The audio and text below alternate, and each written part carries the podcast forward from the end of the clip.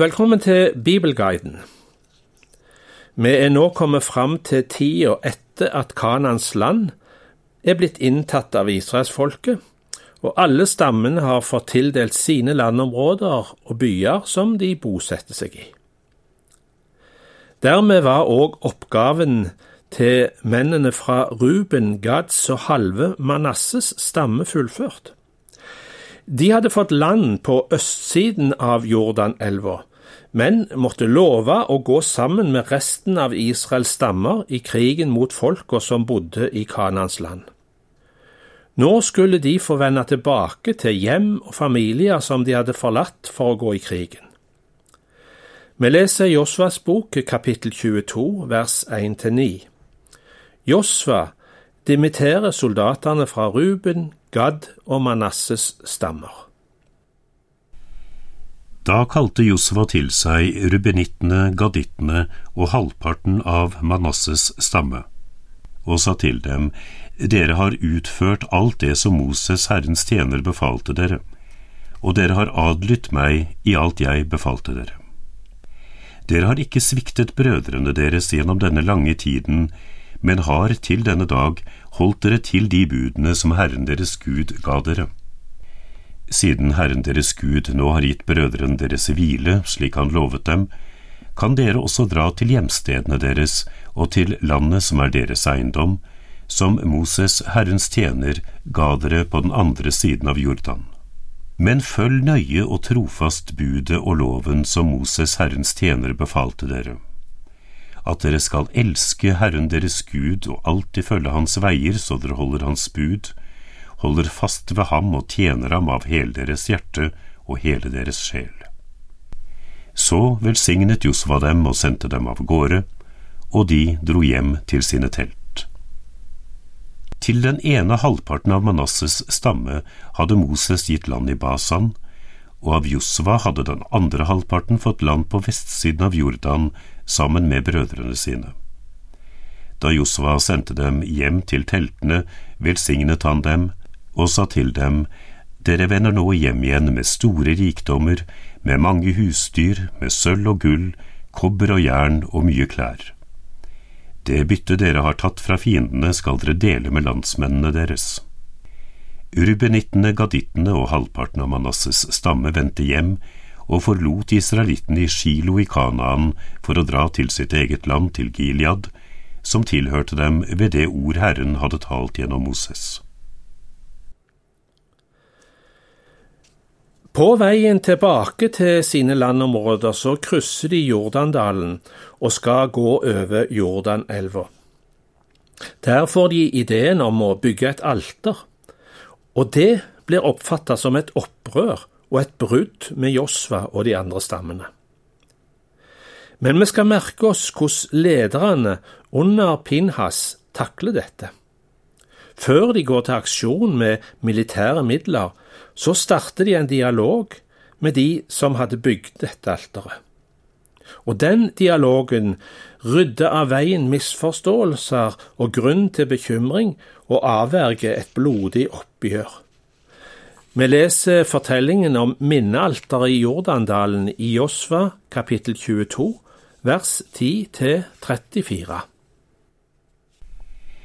Da rubenittene, gadittene og halvparten av Manasses stamme kom til Gelilot ved Jordan i Kanaan, bygde de et alter der ved Jordan, et stort alter.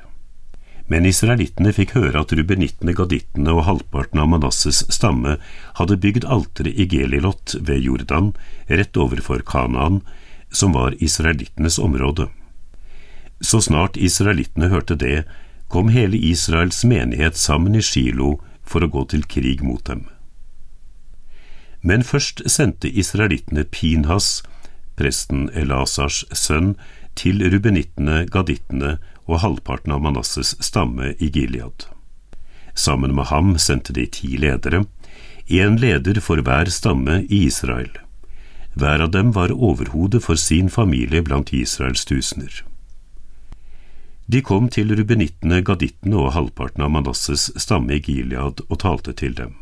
De sa, Så sier hele Herrens menighet, Hva er det for troløshet dere har vist mot Israels Gud ved å vende dere bort fra Herren i dag, og sette dere opp mot Herren ved å bygge dere et alter?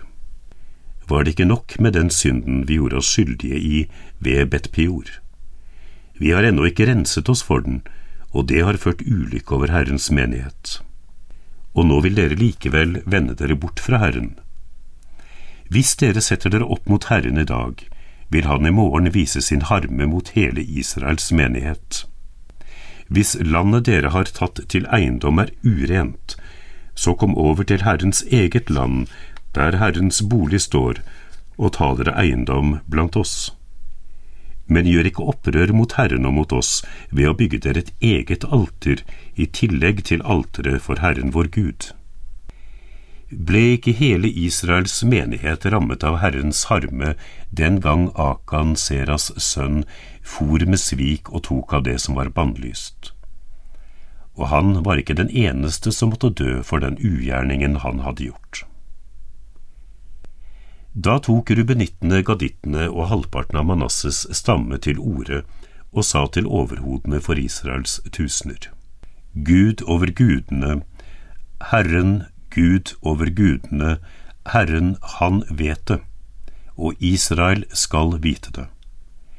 Måtte Herren unnlate å hjelpe oss i dag om det var i opprør og troløshet mot ham at vi bygde oss et alter for slik å vende oss bort fra Herren. Måtte Herren selv straffe oss om det var for å ofre brennoffer eller grødeoffer eller bære fram fredsoffer på det. Var det slik, da må Herren straffe oss for det. Nei, vi har gjort det fordi vi var bekymret for at deres sønner i fremtiden ville si til våre sønner, Hva har dere med Herren Israels Gud å gjøre? Herren har jo satt Jordan til grense mellom oss og dere rubenitter og gaditter. Dere har ingen del i Herren. Slik kunne deres barn få våre barn til å holde opp med å frykte Herren. Derfor sa vi, La oss ta fatt og bygge et alter, ikke til brennoffer og ikke til slakteoffer, men som et vitne mellom oss og dere og de slekter som kommer etter oss, om at vi vil gjøre tjeneste for Herren med våre brennoffer, slakteoffer og fredsoffer. Så skal ikke sønnene deres i morgen si til våre sønner at de ikke har del i Herren. Hvis de i morgen skulle si noe slikt til oss eller våre etterkommere, da vil vi i sannhet kunne svare, Se på den etterligningen av Herrens alter som forfedrene våre har laget. Ikke til brennoffer og slakteoffer, men som et vitne mellom oss og dere. Gud forby at vi skulle gjøre opprør mot Herren og vende oss bort fra ham i dag ved å bygge et alter til brennoffer, grødeoffer og slakteoffer, i tillegg til det alteret for Herren vår Gud som står foran hans bolig. Da presten Pinas og menighetens ledere og overhodene for Israels tusener som var med ham, hørte hva Rubens, Gads og Manasses etterkommere sa, syntes de godt om det. Og Pinas, sønn av presten Elasar, sa til dem, Nå skjønner vi at Herren er midt iblant oss, siden dere ikke har satt dere opp mot ham med dette. Dermed har dere berget israelittene fra Herrens hånd. Så forlot presten Pinas, Elasars sønn, og de andre lederne, rubenittene og gadittene, og dro hjem fra Gilead til Kanaan og fortalte israelittene hva de hadde hørt. Israelittene syntes godt om svaret. De priste Gud og tenkte ikke mer på å gå til strid mot rubenittene og gadittene for å ødelegge landet de bodde i. Rubenittene og gadittene kalte alteret Vitne, for de sa, Det skal være et vitne for oss om at Herren er Gud.